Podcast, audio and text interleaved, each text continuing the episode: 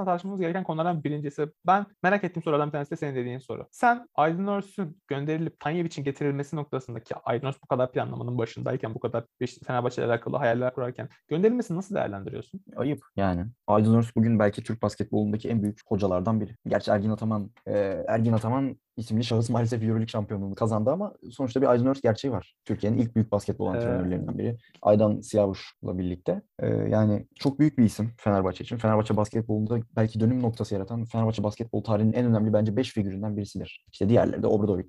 Belki Obradovic en büyük figürü olabilir Euroleague kupasını kazandırdığı için. Onun gelişiyle birlikte çok büyük bir dönüşüm yaşandı. Fenerbahçe'de bir basketbol aklı oluştu aslında Aydın Örs'le beraber. İlk 5'in arasında bence Erkan Karaca'yı da koymalıyız bu arada. Erkan abi her şeyin tanıdığı, her şeyin tanığı aslında. 1990'lardan beri. Her şeyin tanığı Erkan abi. Ya kesinlikle. Biz zaten şey diyorduk hani e, Obradovic zaten gitmişti. Kokoşkov gitti. Üstüne Erdem Can'ı da NBA'ye aldı. Dedik, Erkan, Erkan, Erkan abi alamazsınız herhalde dedik. Yani hani Erkan abi şeyde ne Phoenix'te malzemeci olmaz diye düşünüyorduk ama hani NBA ne yapacağı hiç böyle olmaz yani. Erkan abi bırakmaz öyle söyleyeyim. Ya Aydın Hoca ile ilgili ben şunu söyleyeceğim. Ertuğrul Hoca şöyle anlatıyor. Aydın Hoca'nın geldiği ilk zamanda sanırım o sezon Türkiye Kupası sezon başında oynadı ve Türkiye Kupası'nda bir maç kazanıyoruz. Ve takım deli gibi sevinmeye başlıyor böyle güçlü bir rakibi yendiğimiz için ve Aydın Örs diyor ki buna mı seviniyoruz? Kendinize gelin. Yani burası Fenerbahçe. Biz küçük bir kulüp değiliz diyor. Buna benzer bir şey söylüyor. İşte e, o vizyonla alakalı bir şey. Yani biz mesela Evet. şu anda oynadığımız takımlara baktığımızda aslında hayalini kurduğu şey buydu ama ya ben açıkçası şöyle düşünüyorum. Hani e, Aydın Örs'ün gönderilmesi noktasında da tabii onu irdeleyebilecek, değerlendirebilecek çok şeyim yoktu. Hani e, bilincim yoktu. 12 yaşındaydım o sırada ama e, e, ama yani Tanyevic çok bana e, hitap eden bir koç hiçbir zaman olmadı. Yani Hı hı. bunu açık yürekliyle söyleyebilirim. Tabii ki kendisi çok zor zamanlar geçirdi. İşte hastalığı, Kanser ee, oldu. Kanser Kurtuldu. hastalığı. Ee, sonrasında işte Türk basketboluna kattıkları o 2010 Dünya Şampiyonası'nda bizim koçumuzdu. Evet, evet. Tabii ki de vefasızlık yapılması. Tabii ki de kendisine saygıyla anlıyoruz. Hiçbir e, kötü bir e, şey yaşamadık kendisiyle ama hani bize hitap etmiyor. Fenerbahçe, bak Fenerbahçe'nin görmek istediği, Fenerbahçe'nin orada görmek istediği koç kesinlikle Tanyevic değildi. Ee, yani bu şekilde değerlendirebilirim. Bir e, aslında hani seninle e, özel olarak değerlendireceğimiz konuya gelmek istiyorum ben. 2012'de ülke arena açıldı ve e, açıldıktan sonra sen e, taraftarların hani orada ne kadar taraftar vardı, yoğunluk nasıldı veya nasıl hani arttı mı, azaldı mı, ne gibi e, şeyler gözlemledin, ne gibi e, neler, neler gördün o taraftar değişimi, taraftar profilinden? Aslında bu sezonlara değinmeden önce hemen kalan sezonlarında istiyorsan bir kısa bir özetini geçmek istiyorum ben. Nasıl istersen, nasıl istersen. Teşekkür ederim. E, şimdi Euroleague'deki şampiyonluktan sonra 17-18 sezonuna geliyoruz ve Bogdan, e, Yudoh ve Antic gitti. Bogdan Bogdanovic gitti. Zaten Yudoh'un yeri doldurulamadı ki Yudoh'un gidişi de aslında Ozan Balaban'la yaptığımız röportajda Ozan Balaban şöyle anlatıyor. E, yani bize söz vermişti. Biz de planlamayı ona göre yapmıştık. Son anda gitti. Yani zaten o Yudoh'u ben ömrüm boyunca affetmem diyor adam ki çok haklı bence. Ki o 17-18 sezonda yine e, Basketbol Süper Ligi'nde şampiyon oluyoruz. Kupada çeyrek final oynuyoruz. Belgrad'da finalde Real'le oynuyoruz. Maalesef gücümüz yetmiyor. E, Çünkü Yudoh'un yerine kimle doldurmaya çalıştık? Jason Thompson. Dolmadı. Thompson o kadar iyi bir oyuncu değildi. Zaten çok da taraftarın memnun olduğu bir isim de olmadı. E, Bogdan Bogdan Bogdanovic'in gidişinin sebebi de şuymuş. E, Ozan Balaban'ın anlattığına göre. Bogdan Bogdanovic'in o dönem bir sakatlığı var. E, zaten NBA'den teklif geliyor. Hemen değerlendirmek istiyor. Şundan korkuyor. Ben bir sene daha kalırım. Sakatlığım bir daha yükseder. Bir daha beni istemezler. Hazır fırsat bulmuşken gideyim. Hatta Aziz Yıldırım o dönem Bogdan'a NBA'den gelen teklifin aynı miktarı teklif ediyor. Bir sene daha bizimle kal diye. Bogdan da ne olur ne olmaz gidiyor. E, 18-19 sezonuna gelecek olursak Basketbol Süper Ligi'nde ve Euroleague'de Efes'e elendiğimiz bir e, sezon oluyor maalesef. Ki sezonunda aslında normal sezonunda birinci bitiriyoruz. Bayağı erken form tutuyoruz. Jel gibisi geçiyoruz playoff'ta ama e, sonlarda sakatlıklar, yorgunluk, inanılmaz her şey üst üste geliyor. Veseli o sezon oynamadı zaten galiba öyle hatırlıyorum yani. Ya da Veseli e, sakatlandı. Veseli ve Datome hemen sakatlandı. Evet evet Veseli ve Dutone sakatlandı. Veseli'nin döndüğü maçtı. Efes Pilsen'le oynanan Final Four maçı. Öyle hatırlıyorum. Evet evet. Yani o çok zaten hani yetmedi gücümüz sakatlıklardan, yorgunluktan dolayı ki o basketbol Süper Ligi final serisi de çok şey. İşte sarı tribündeki arkadaşlarımızın Vitoria'da Ergin Ataman'la yaşadığı gerginlik. Sonra e, Efes'le eşleştik. Her maç küfür. Her maç e, Ergin Ataman ve Fenerbahçe tribünü arasında bir gerilim. Yani hani ben o gün yani o çok fazla küfür ettik. Öyle söyleyebilirim o seride. Zaten ceza da aldık. Sonra ceza ertelendi. Son maça girdik ama olmadı. Ya Melli biraz- yanılmıyorsam sakat sakat oynadı. Sen hemen bir açmak istiyorum. Ya ben bu Ergin Ataman e, başka bir podcast'e gitmiştim. Onların da kulakları çınlasın sevgili Europod'da. Ergin Ataman'a karşı biraz e, küçük biraz iğnelemelerde kondurmalar yapmıştım. Şimdi Ergin Ataman nereye giderse gitsin Fenerbahçe ile bir problem var. Nereye giderse gitsin. Galatasaray'da da vardı, Beşiktaş'ta da vardı, Efes'te var. Yani adamın e, karşısına koyduğu rakip figür Fenerbahçe. Yani Ergin çok Ataman değişik bir şey. kişi zaten sırf Fenerbahçe ile problemli değil ki. Beşiktaş'ta da problemli, Karşıyaka'yla da problemli adam. Ya tabii ki de öyle ama bizimle ayrı bir problem var. Ya bizimle Evet, evet. Fenerbahçe, ya bizim çok ayrı bir problem var. Yani e, ya bir kere kendisini sürekli Obradovic'le kıyaslıyordu. Hani sürekli işte Obradovic'den daha iyi bir. Yani hani yani o tabii ki de bence de öyle kesinlikle. Hani ne yaptığıyla alakalı bir şey. Bir de e, bunu çok teknik detaylarla boğularak değerlendirmek de istemiyorum. E, sen bir taraftar gözüyle bu kadar senedir o tribünlerde e, maç izledin, işte bağırdın, Fenerbahçe'nin peşinde koşturdun vesaire. Ve Ergin Ataman'ı izledin, gördün, biliyorsun yani kim olduğunu. Sence Ergin Ataman'ın Fenerbahçe'de derdi ne? Yani neden Fenerbahçe? Ergin Ataman'ın Fenerbahçe yani şöyle zaten 2004'te başlıyor Ergin Ataman Fenerbahçe gerilimi. Ergin Ataman Ülkerspor çalıştırıyor 2003-2004 gibi. O dönem soyunma odasında Mahmut Uslu darp ediyor Ergin Ataman. Abdi İpekçi'nin soyunma odasında. Fenerbahçe'nin de o dönemki oyuncusu Mahmut Uslu Ergin Ataman'a tokat atıyor sanırım. Ya oradan başlıyor aslında olay. Sonra işte biliyorsun 2008-2009 sezonunda bir doping skandalı var. Efes'in yani bu yani bilinen bir şey ama yani maalesef ceza almadı. Bu eee, skandalın sorumlusu olan kulüp ve antrenör ceza almadı. Bayağı aslında bence organize bir olaydı. Bu Fenerbahçe'nin şampiyonluğu alenen burada gasp edildi. Bu maalesef şey değil mi? Hawkins'le, Hawkins'le yaşanan. Hawkins değil şöyle eee, bu katin denen bir madde var. Katin denen bir madde getiriliyor. İşte Efes Pilsen'de Kerem Gönlüm ve Mario Kasun rastgele test yapılan iki isim pozitif çıkıyor. İşte ondan sonra ortalık karışıyor falan. Diğer oyunculara yapılmıyor test falan falan falan filan. Sadece oyuncular ceza alıyor. Efes ceza almıyor. Şampiyonluğun sahibi de değişmiyor. Yani federasyon aslında burada gerekeni yapmıyor. Dikkat edersen Oradan mesela biraz daha artıyor Fenerbahçe ile Ergin Ataman gerilimi. ben çok özür dilerim. Sözünü yine kestim. Çok özür dilerim. Kusuruma bakma. Yok sorun değil. Ee, şey deme şey bir de Ergin Ataman doping demişken Ergin Ataman hem Hawkins'le yaşadığı bir doping skandalı var. Kasun Kerem Gönül zaten başka bir doping skandalı. Aynı zamanda onun zamanında mı oldu emin değilim ama bir e, Cemal Nalga Tufan Ersöz e, olayı Onun var. zamanında değil sanırım. Onun zamanında o evet evet galiba onun zamanında değil. Yani şimdi üzerine şey yapmayayım ama yani genelde bu doping skandalıyla Ergin Ataman ama bir şey e, böyle bir içi dışlı yani hani. e, Kendisi skandal zaten ya. Yani hani ya hani ben yani Seni de çok zor durumda bırakmak istemiyorum. Biraz tarafsız bir podcast çünkü seninki. Yok hayır estağfurullah. Ben Fenerbahçe olduğumu biraz hani ben hayır, yaşım şöyle. Tarafsızlık evet tarafsız olmaya çalışıyorum ama benim buradaki noktam şu. Yani e, siz Ergin Ataman olmayın atıyorum ne bileyim işte yani e, başka bir insan olun. Ahmet olun, Mehmet olun, Hasan Hüseyin olun fark etmez. Benim için önemli olan şey şu. Siz basketbol oyununda bir kutuplaşma mı yaratıyorsunuz? Yani ve buna ne gerek var? Şimdi kendi kişisel hırslarınız olabilir ama gittiğiniz her yerde bir karşınıza rakip koyan ve bunu genelde Fenerbahçe yapıp burada bir kavga ve e, polemik ortamına giriyorsunuz. Ve bundan bir e, güç devşirmeye çalışıyorsunuz. Ve özellikle o kitapta da şöyle bir şey var. Zaten Sayın Murat Muratoğlu kendisini çok iyi analiz ettiği için ben artık üzerine fazla bir şey söylemek de istemiyorum ama kendisi hani şunu söyledi. Ben onu hayatım boyunca affetmeyeceğim dedi. Ergin Ataman'la alakalı. Çünkü Evet evet haklı. e, yani hani Linç ettirdi çünkü. linç ettirdi. Yani Murat Muratoğlu'nun ya Murat Muratoğlu'nu linç ettirmek bir sana ne kazandırır? İkincisi ya belki de Türkiye'de bulup bulabileceğin basketbol en fazla emek vermiş insanlardan bir tanesine bu saygısızlığı yapmak e, bence çok büyük bir hayal kırıklığı kendisi adına da. Yani kariyerinde de kara bir leke olarak anılacaktır emin olun yani. Çünkü ya Yani Murat Muratoğlu çok daha büyük lekeler var aslında. ya benim için ben Murat Muratoğlu'nu eskiden Evet, beri evet. izleyen birisi olarak hani Murat Muratoğlu, İsmet Badem'le biz basketbolu sevdik. Onların Evet, evet. Doğru. anlatımlarıyla şey yaptık. Şimdi Murat Muratoğlu Fenerbahçe olabilir ama siz Murat Muratoğlu'na her şeyden önce saygısızlık yapmamanız gerekiyor. Onu linç ettirmemeniz gerekiyor. Bir e, camianın gücünün arkasına alar, arkanıza alarak bir kişiyi hedef göstererek o kişinin ailesine varacak tehditler yapmamanız gerekiyor. Bu Fenerbahçeli bir insan olup Galatasaray'a karşı da aynı şeyi yapsa gene yanlış bir şey olduğunu düşünüyorum. Bu sportmenliğe, centilmenliğe aykırı bir e, şey olduğunu düşünüyorum. Benim naçizane kendi görüşüm. Haklısın, Tamam. haklısın, haklısın. Yani işte o dönem Ergin Ataman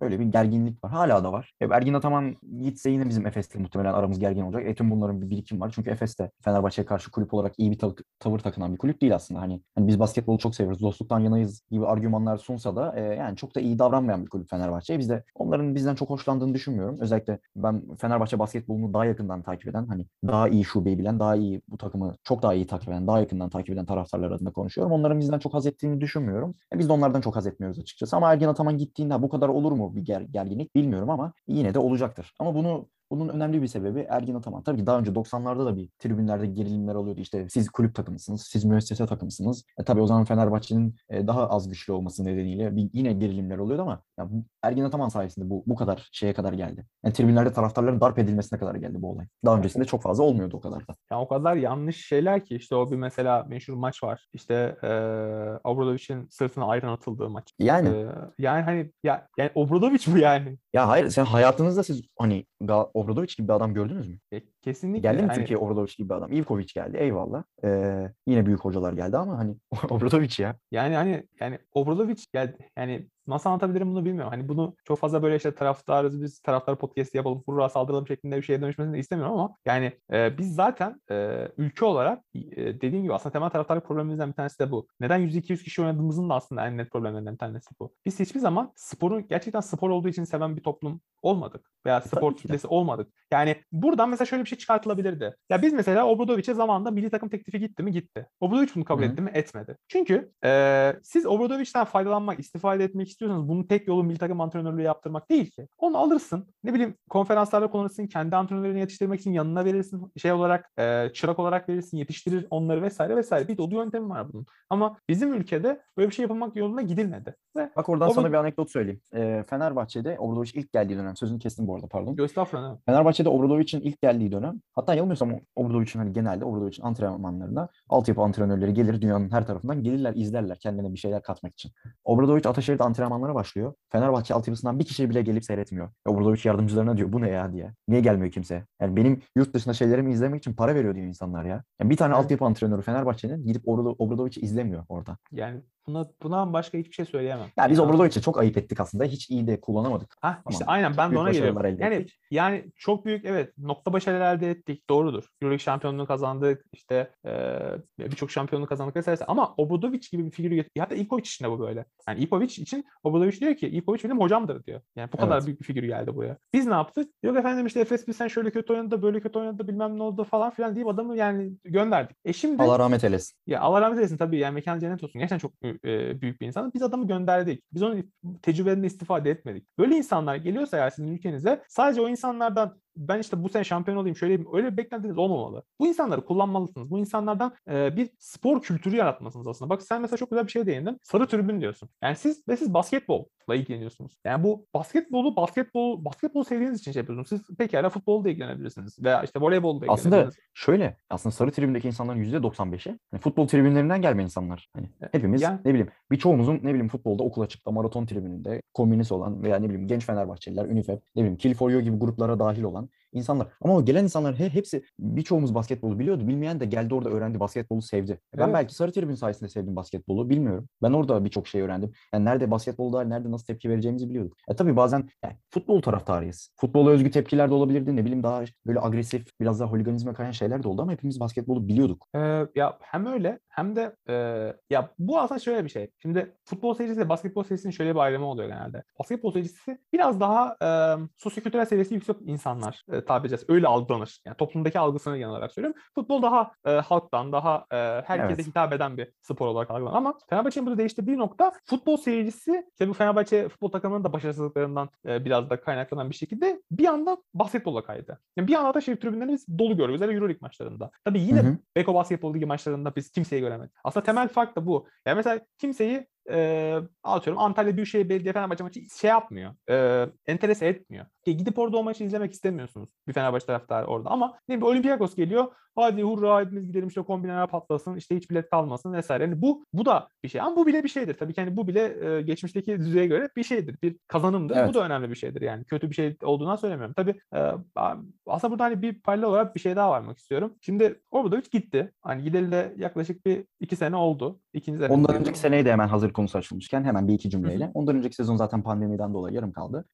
Yine takım aynı 2017'de şampiyon olan iskeletin üzerine kurulmuş bir kadroydu ama o iskelet de artık hem yaşlandı hem fiziksel olarak hem de psikolojik olarak miadını doldurmuş. Hani ömrünü tamamlamış bir şeydi. E, Zaten 8. sırada bitirdik pandemide lig iptal olduğunda Euroligi. E, Zaten hani görülüyordu ortadaydı her şey. Zaten yani sonrasını biliyorsunuz. Obradovic'in gönderiliş sürecine de değiniriz istersen. Yani aslında yani sen tabii daha e, insight e, bilgilere sahipsindir. Ben sana şöyle hemen pas atarak bu bence herkes merak ettiği bir şey. E, Obradovic gönderildi mi? Kendisi mi gitmek istedi? E, nasıl oldu bu süreç? Obradovic'in gönderiliş süreci. Tamamen varsayımlarıma ve dedikullara dayanarak konuşuyorum. Öncelikle bunu baştan belirteyim. E, Obradovic gönderilmedi. Ama Fenerbahçe'de Obradovic'in gitmesini sağlayacak bütün şeyler yaratıldı. Ortam. Yani hem hem kulüp yarattı hem biz taraftarlar yarattık. Obradovic olduğunuzu düşünün. Obradovic gibi insanlar sadece para için bir yerde çalışmaz. O insanlar zaten para konusunda aşmıştır bir şeyleri. Keyif alarak çalışmak ister. Yani zaten çok zeki bir insan biliyorsunuz. Yani. Hani e, kendisinin gösterdiği özveriyi diğer kişilerin de göstermesini ister. E, ben e, Aziz Yıldırım yönetimi ayrıldığında kaldığında Fenerbahçe'de seçimi kaybettiğinde Aziz Yıldırım yönetiminden haz etmiyordum. Bugün de çok fazla haz etmiyorum açıkçası. Ama Aziz Yıldırım yönetiminin doğru yaptığı bir şey vardı. Obradoviç ile çok iyi ilişkiler kurdular. Yani Ozan Balaban Obradoviç ile ne bileyim saha dışında da çok iyi bir dostluk kurabildi. Kendisine yakın, ona yakın oldu. Evet sen bak biz seninle beraberiz. Biz sizin arkandayız denildi. Fenerbahçe Baskonya'dan fark yedi deplasmanda. Obradoviç ayrılıyordu az kalsın. Aziz Yıldırım dedi ki biz sana gerekiyorsa 12 tane oyuncuyu göndeririz. 12 tane yeni oyuncu alırız. Seninle de yeni sözleşme imzalamak istiyoruz. Bunu dedi Aziz Yıldırım. Ali Koç yönetiminin hatası şu oldu. Biz kendi haline bırakalım şubeyi. İşte Obradoviç gelsin, işini yapsın, ona parasını ödeyelim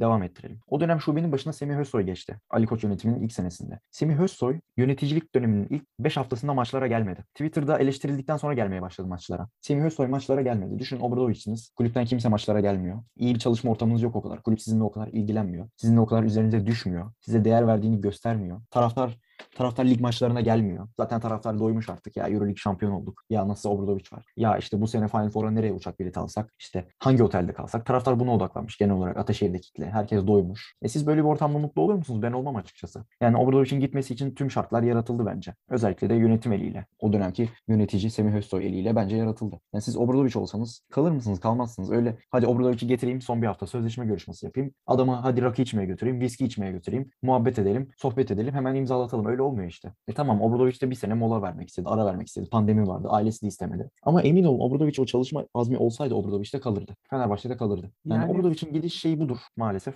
Camia içinden de çok büyük bir tepki gelmedi açıkçası Obradoviç'in gidişine. Tabii ki de şu an sessiz bir kitle var. Bundan hoşlanmayan hala. Her şekilde bunu dile getiren. Ama yani salonun önünde bir iki pankart açıldı yönetimi protesto eden. Arkadaşlar yaptılar öyle bir şeyler. Bizim arkadaşlarımız sağ olsunlar. Onun dışında da hiçbir tepki olmadı. Yani Obradoviç'in yani gidişi e, açıkçası bana göre çok sarsıcı bir olaydı. Dediğin şey çok doğru. Obradoviç Aziz Yıldırım'la çok iyi anlaşıyordu bir kere. E, çok yakın ilişkileri vardı. E, şimdi dönüp baktığımızda tabii hani geriye dönüp sürekli e, ah keşke yani keşkelerle bir süre bir süre ilerleyebilirsiniz. Bir süre sonra artık yeni e, bir şeylerin peşinde koşmanız gerekir. Ama e, Obradoviç'in bu noktada gitmesinde aslında ciddi bir yönetim başarısızlığı var. Çok ciddi bir yönetim başarısızlığı var. Yani Çok çok. ee, ya ben mesela o 5 haftalık olayı bilmiyordum. Yani açık söylemek gerekirse Semih Özsoy'un 5 hafta maçlara gitmediğini bilmiyordum. Ama zaten kendisi yani çok da Fenerbahçe e, basketbola ilişkili mi ilgili miydi onu da pek Semih Özsoy'un Ee, tek görevi basketbol değildi sanırım. Futbolla da mı ilgileniyordu? Bir başka bir bilimle de ilgileniyor. Yani Fenerbahçe basketbol şubesi o kadar küçük bir şube değil. Yani ne bileyim bir atletizm şubesi değil, bir voleybol şubesi değil. Fenerbahçe erkek basketbol takımı zaten 90'lı yıllardan beri başlı başına ayrı bir yapı. kesinlikle yani o kadar Sizin bu büyük- işin başına vereceğiniz yöneticinin tek işinin Fenerbahçe basketbol şubesi, erkek basket şubesi olması lazım. kesinlikle aynen öyle. Yani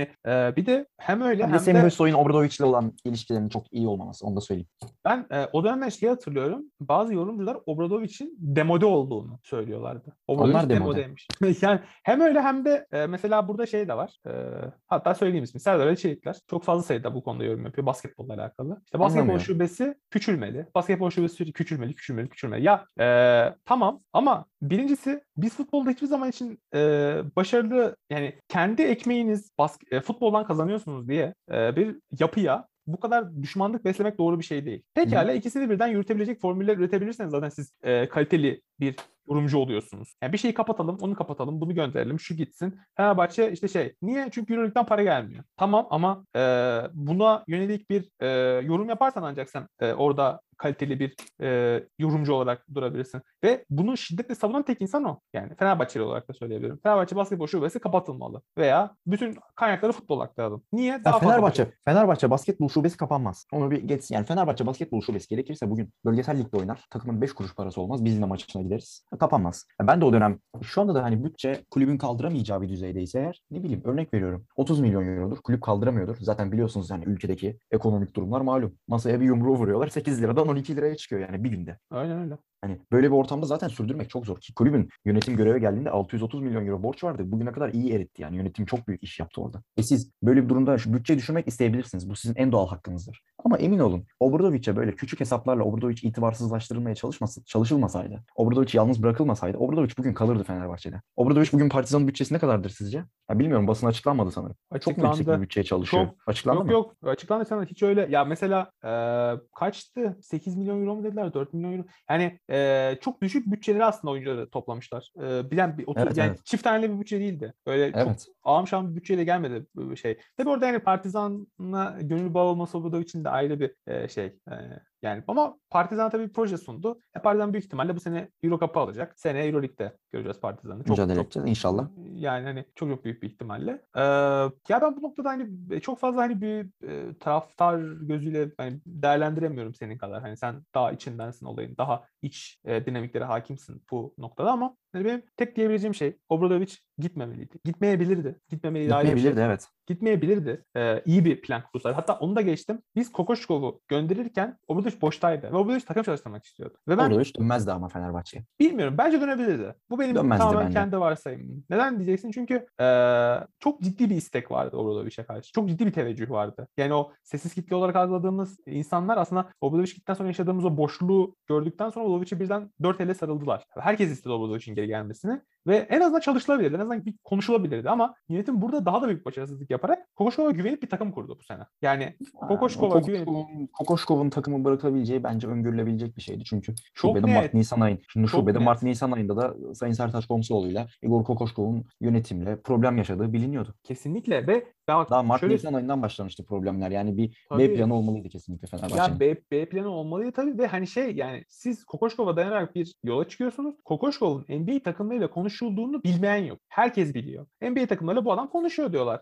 Yani bu adam bir fırsatını bulursa NBA'ye gidecek. O zamana kadar teklif alamadı. Yani b- beklentilerini karşılayan bir teklif alamadığı için Kokoşkov gidemedi NBA'ye. Ama şu anda NBA e, özelinde e, şu an Doncic'in yanındaki tek adam Kokoşkov. Niye? Çünkü Doncic orada. İşte orada Evet. kendi bildiği oyuncular var. Orada bir ekosistem kurarak ilerliyor. E kendisinin yolu açık olsun. Umarım bir daha Fenerbahçe ile yolları kesişmez. Yani bundan sonra Euroleague Çok da iyi bir karakter değil herhalde anladığımız kadarıyla. Kokoşkov tanıdığımız kadarıyla. İyi yani, bir hocadır. Yani iyi, İyi bir hoca ama tabii aynen. Yani Avrupa'ya da kaçan. Avrupa'ya da uyacak bir hoca değil. Yani Fenerbahçe Efes'ten 40 sayı gerideyken öyle kollarını bağlaştırıp izliyorsanız siz zaten Fenerbahçe'yi çalıştıramazsınız. Kesinlikle öyle yani. Evet işte yani. Buna E tabii o dönem seyirci de yoktu. Arkada bir çok fazla bir baskı da yoktu. Böyle oldu. Yani o kadar e, denilebilecek o kadar fazla şey var ki aslında bu konuyla alakalı. Yani Aslında Kokoşkova yönetim iyi çok iyi sabretti o e, Jalgiris'in ilgisi işte hani felaket bir dönem var biliyorsun. Geçen sezon hani bitmiş bitik durumdaydı takım. Son sıraya demir atmıştı. Hani biz kaç maç kazandık da ondan sonra artıya çevirildi, çevir, çevirebildik averajımızı. Felaket bir durumdaydı takım. O dönem yönetim güvenerek doğru bir karar aldı. Ha, bize kalsa ben yönetici olsam göndermiştim çoktan ama orada yönetim iyi bir karar aldı. Güvendiler. Sonra iyi de bir seri yakaladık ama Kokoşkov aynı şeyi göstermedi Fenerbahçe için. Yani ya kendisinin yolu açık olsun diyebilirim ancak ya. Yani çünkü neden diyeceksin? Yani e, o 16'da 15'ti serisi. Çok başarılı seriyle bizi playoff'a kadar taşıdı. Yani Ceska'ya yenilmek çok hani ağam şahım böyle abartılacak sürpriz bir durum değil. Yani Ceska'ya yenilebilirsiniz, yenilebilirsiniz. Doğal bir Çok fazla eksik vardı zaten. Erdem Hoca çıktı takımın başında. Aynen öyle yani çok fazla eksik vardı. Bir dolu sıkıntı. E, yani bir yandan Covid sezonu yani her şey üst üste geldiği zaman tabii ki bu sonuç kaçınılmaz oldu ama e, yani bir şey diyemiyorum açıkçası Kokoşkova niye böyle oldu, niye şöyle oldu vesaire. Yani yapabileceği maksimum buydu zaten. Evet. Yani ağzına İstiyorsan sağlık. Ha? Evet. şeye gelecektik. Evet salona gelecektik. Heh, son olarak. unuttum. Evet seni dinliyorum. Son konumuz. Evet. Evet bu biraz aslında biraz irdeleyeceğim ben bu konuyu. Ee, son bir 10 dakika isteyeceğim senden. Ee, İstediğin kadar.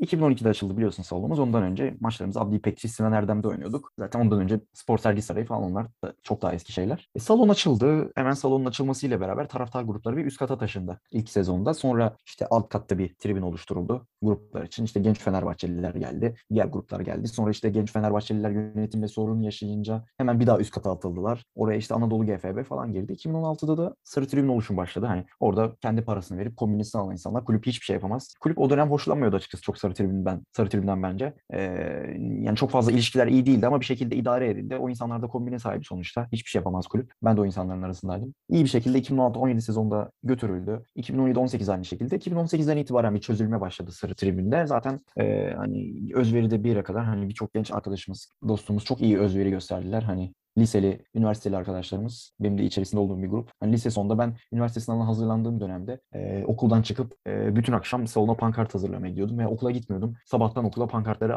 okula gitmeyip sabahtan salona pankartları asmaya falan gidiyordum. İyi bir özveri gösterdik herhalde. E, çok epey iyi bir özveri göstermişsiniz yani. 15 kişilik bir ekip olarak orada hani bir arkadaş grubu olarak Sarı Tribün'ü ayakta tutmaya çalıştığımıza inanıyorum. Tabii ki de çünkü bir abilerimiz var, çok büyük abilerimiz var. E, onlar da ama işte bugün Sarı Tribün maalesef e, güç kaybetmiş durumda. Yine abilerimiz arada geliyorlar, destek veriyorlar sağ olsunlar ama maalesef eskisi gibi de olmuyor. E, kendilerine de saygı, sevgi, selamlarımı iletiyorum. Çok seviyorum kendilerini. E, salona genel olarak bakacak olursak aslında salonda bir kitle oluştu. Salon tabii Ataşehir'de yapılmasının da etkisi o etkisiyle. Obradoviç'te de zaten bir seyirci profil değişti. Bilet fiyatları arttı. Bilet fiyatlarının artmasıyla bir profil değişti. Hani ne bileyim NBA var bir basketbol seyircisi geldi salona. Tabii Yani ki evet kesinlikle. Yani Ama bilet hani- fiyatları çok fazla değil mi? Yani bilet fiyatları evet bu sezonu da bir değinirim aslında sonda. Hani bir tabii ki de Fenerbahçe taraftarı hepsi ama hani alışık olduğumuz Fenerbahçe taraftarı Abdi İpekçi'den hani daha agresif, bağıran, gerektiğinde küfür eden, bileyim, maçı ayakta izleyen falan öyle bir seyirciydi yani. E şimdi tamam üstüne Fenerbahçe forması giymiş bir NBA seyircisi oluştu orada salonda. Hatta sarı tribünle de öyle çok sürtüşme yaşandı. Hani sarı tribünle o seyirciler arasında. E sarı tribün diyor niye maç bitmeden çıkıyorsunuz? Adam diyor ki ben para verdim sana ne? Sen o seni istemiyorum burada. Sen futbol seyircisisin. Holigan istemiyoruz burada. Biz basketbol seyircisiyiz. İşte böyle sakin oturup izliyoruz. Biz burada holiganizm istemiyoruz diyor adam. Öyle çok gerilim yaşandı. Yani t- kendi bakış açıları bir şey diyemem. Yani ama yani para vermek bir şeye illa para verdiğiniz için e, mekan sahibisiz olmuyorsunuz yani. E, tabii. Orada e, herkes eşit bir şekilde deşarj olma, bağırma, takımını destekleme, kendi yapabildiği ölçüde. Ki kaldı ki Tabii. basketbol seyircisi öyle oturan bir seyirci de değil. Yani e, yani siz Staples Center'da E, maç izlemiyorsunuz. E, ya tabii gidin bugün Pionir'e, Belgrad'a, Atina'ya, Pire'ye. O insanlar da basketbol seyircisi ama ayakta izliyorlar bütün maçı. Meşale yakıyorlar, küfür Ya ediyorlar. Partizan'da duramazsınız zaten. Yani Partizan Duramaz. seyircisinin karşısında duramazsınız. Kızıldız maçta O adamlar duramazsınız. basketbol seyircisidir. O adamlar Evet. basketbol seyircisidir. Tabii kesinlikle. Basket, o da olan basketbol seyircisi. E, O hem de bizde holigan ise sizden benden daha holiganlar yani. Öyle Evet, evet. değiller yani. Kaç kere kavga çıktı Evet. oralarda. Euroleague hiçbir şey demiyor. Çünkü o da bu işin bir parçası sonuçta. Yani siz başkalarına Evet. zarar verdiğiniz ölçüde kesinlikle kabul edilebilir bir davranış değil. Ama deşarj olmak, ne bileyim bağırmak, takımını e, son ses desteklemek bunların hepsi güzel şeyler. Yani bunlar kötü şeyler değiller ki. E tabii. Orada tribün kültürünü sarı tribün yaşatmaya çalıştı elinden geldiğince. Oradaki herkese tekrar selam olsun. Neredeyse 50 kişilik bir gruptuk. E, salonda işte NBA vari bir seyirci oluştu. E tabii salonda yapısı da buna çok uygundu. Salon bilet fiyatları, yönetim şekli de çok müsaitti. Mesela şöyle söyleyeyim. 2016-17 sezonunda üst kat bileti alıp da bizimle gelip sarı tribünde maç izleyen çok kişi oldu. Hani sıkıştık bir şekilde. Bir koltukta 3 kişi izledik ama bir şekilde izledik. E tabii sonra alt kattaki seyircilerden şikayetler geldi. İşte ne idüğü belirsiz insanlar alt kata giriyor. Şöyle böyle derken üst katla alt katın girişleri ayrıldı. Araya kepenkler koyuldu falan. İyice sarı tribünün eli ayağı koparıldı yani. Sarı Ya bu tribün o kadar biraz yanlış etkisizleşti. şey. Ya bu o kadar yanlış Bugün de var bu şey ayrım maalesef. Yeni yönetimde bunu değiştirmedi. Ya bu o kadar yanlış bir şey ki. e, şimdi siz bir ülkenin dinamiklerine göre bu bilet fiyatları zaten gerek futbolda gerek e, basketbolda çok e, ciddi bir sıkıntı yaratmaya başladı. Tabii. Maça gidemiyoruz. Maça gidemediğimiz gibi neden izlediğimiz şey çok hani böyle değerli bir şey değil de en azından hani orada bir e, keyifli bir şey izlemek istiyoruz. Ve hani spor olarak gidip orada izlemek istiyoruz. Ama orada baktığımızda ya maça bir bakıyoruz. Yani bilet fiyatlarına bir, bir bakıyoruz. Zaten bilet almak başlı başına eziyet de. Hani o e, bilet sağlayıcılardan kaynaklı bir şey. O farklı bir durum. E, bilet şey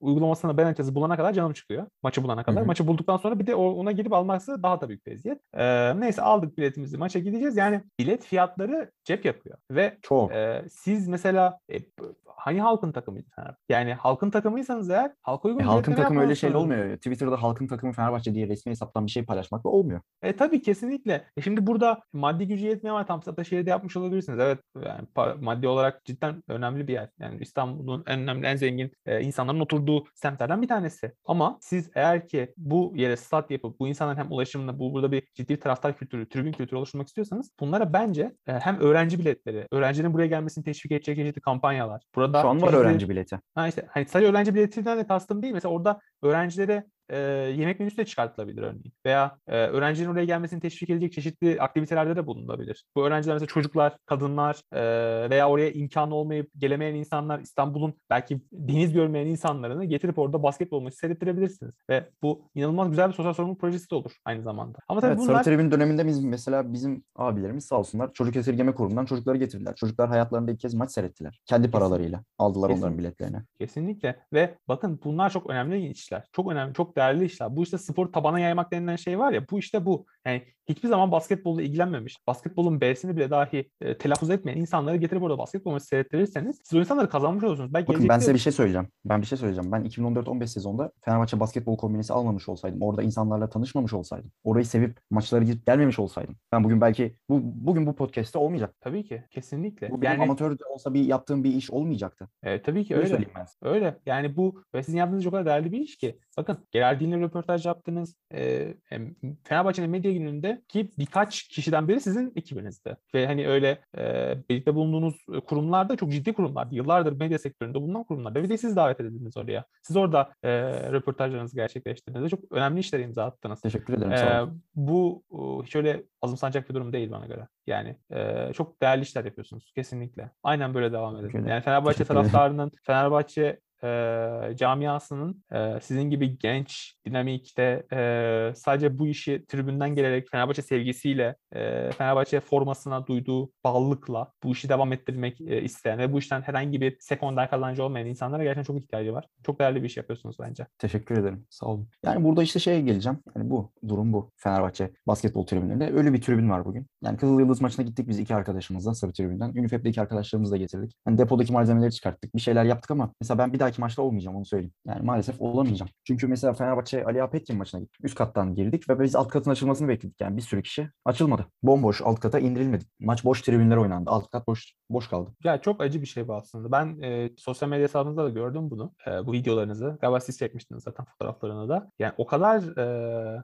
acı bir şey ki. Yani tarif edilemez bir şey. Çünkü Benim şu an maça gidesim gelmiyor açıkçası. kesinlikle yani Hayal burada kırıklığına uğradım orada yönetimin tavrından dolayı. Ve kendi adıma söylüyorum bunu. yani bu e, bu kadar kapitalist düşünmek çok mantıklı bir şey değil özellikle spor gibi şeylerde. E, E tabii ki de aktivitelerde. Fenerbahçe tabii ki kar amacı güden bir kuruluş ama biz bir ticarethane değiliz Fenerbahçe olarak. Yani insanları kazanmamız gerekiyor. Yani bu biz bu Fenerbahçe basketboldaki amacını kesinlikle değiştirmesi lazım. E, hani sadece para kazanmak değil. Gerekiyorsa tamam biliyorum euro çok arttı. Kulübün giderleri euro üzerinden. Önemli bir gelir ama emin olun yani kulüp kulübe söylüyorum burada kulübümüzdeki yetkililere, değerli yetkililere. E, yani burada emin olun yapacağımız bir maddi fedakarlık. Burada tribünlerin doldurulması, öğrenci tribününün mesela alt katta yer alması. Tamam öğrenci bileti bugün 25 TL çok uygun bir fiyat. Ama bu tribünün alt katta sarı tribünün olduğu yerde yer alması Fenerbahçe'ye çok şey kadar. Kızıl Yıldız maçında e, 20 kişi 20 tane öğrenci bağırdı orada bütün maç susmadı. Başkan Ali Koç tribünü alkışladı maçın ortasında. Öyle söyleyeyim. Bakın 20 kişi. Bu 20 kişinin 100 kişi olduğunu düşünün organize hareketi.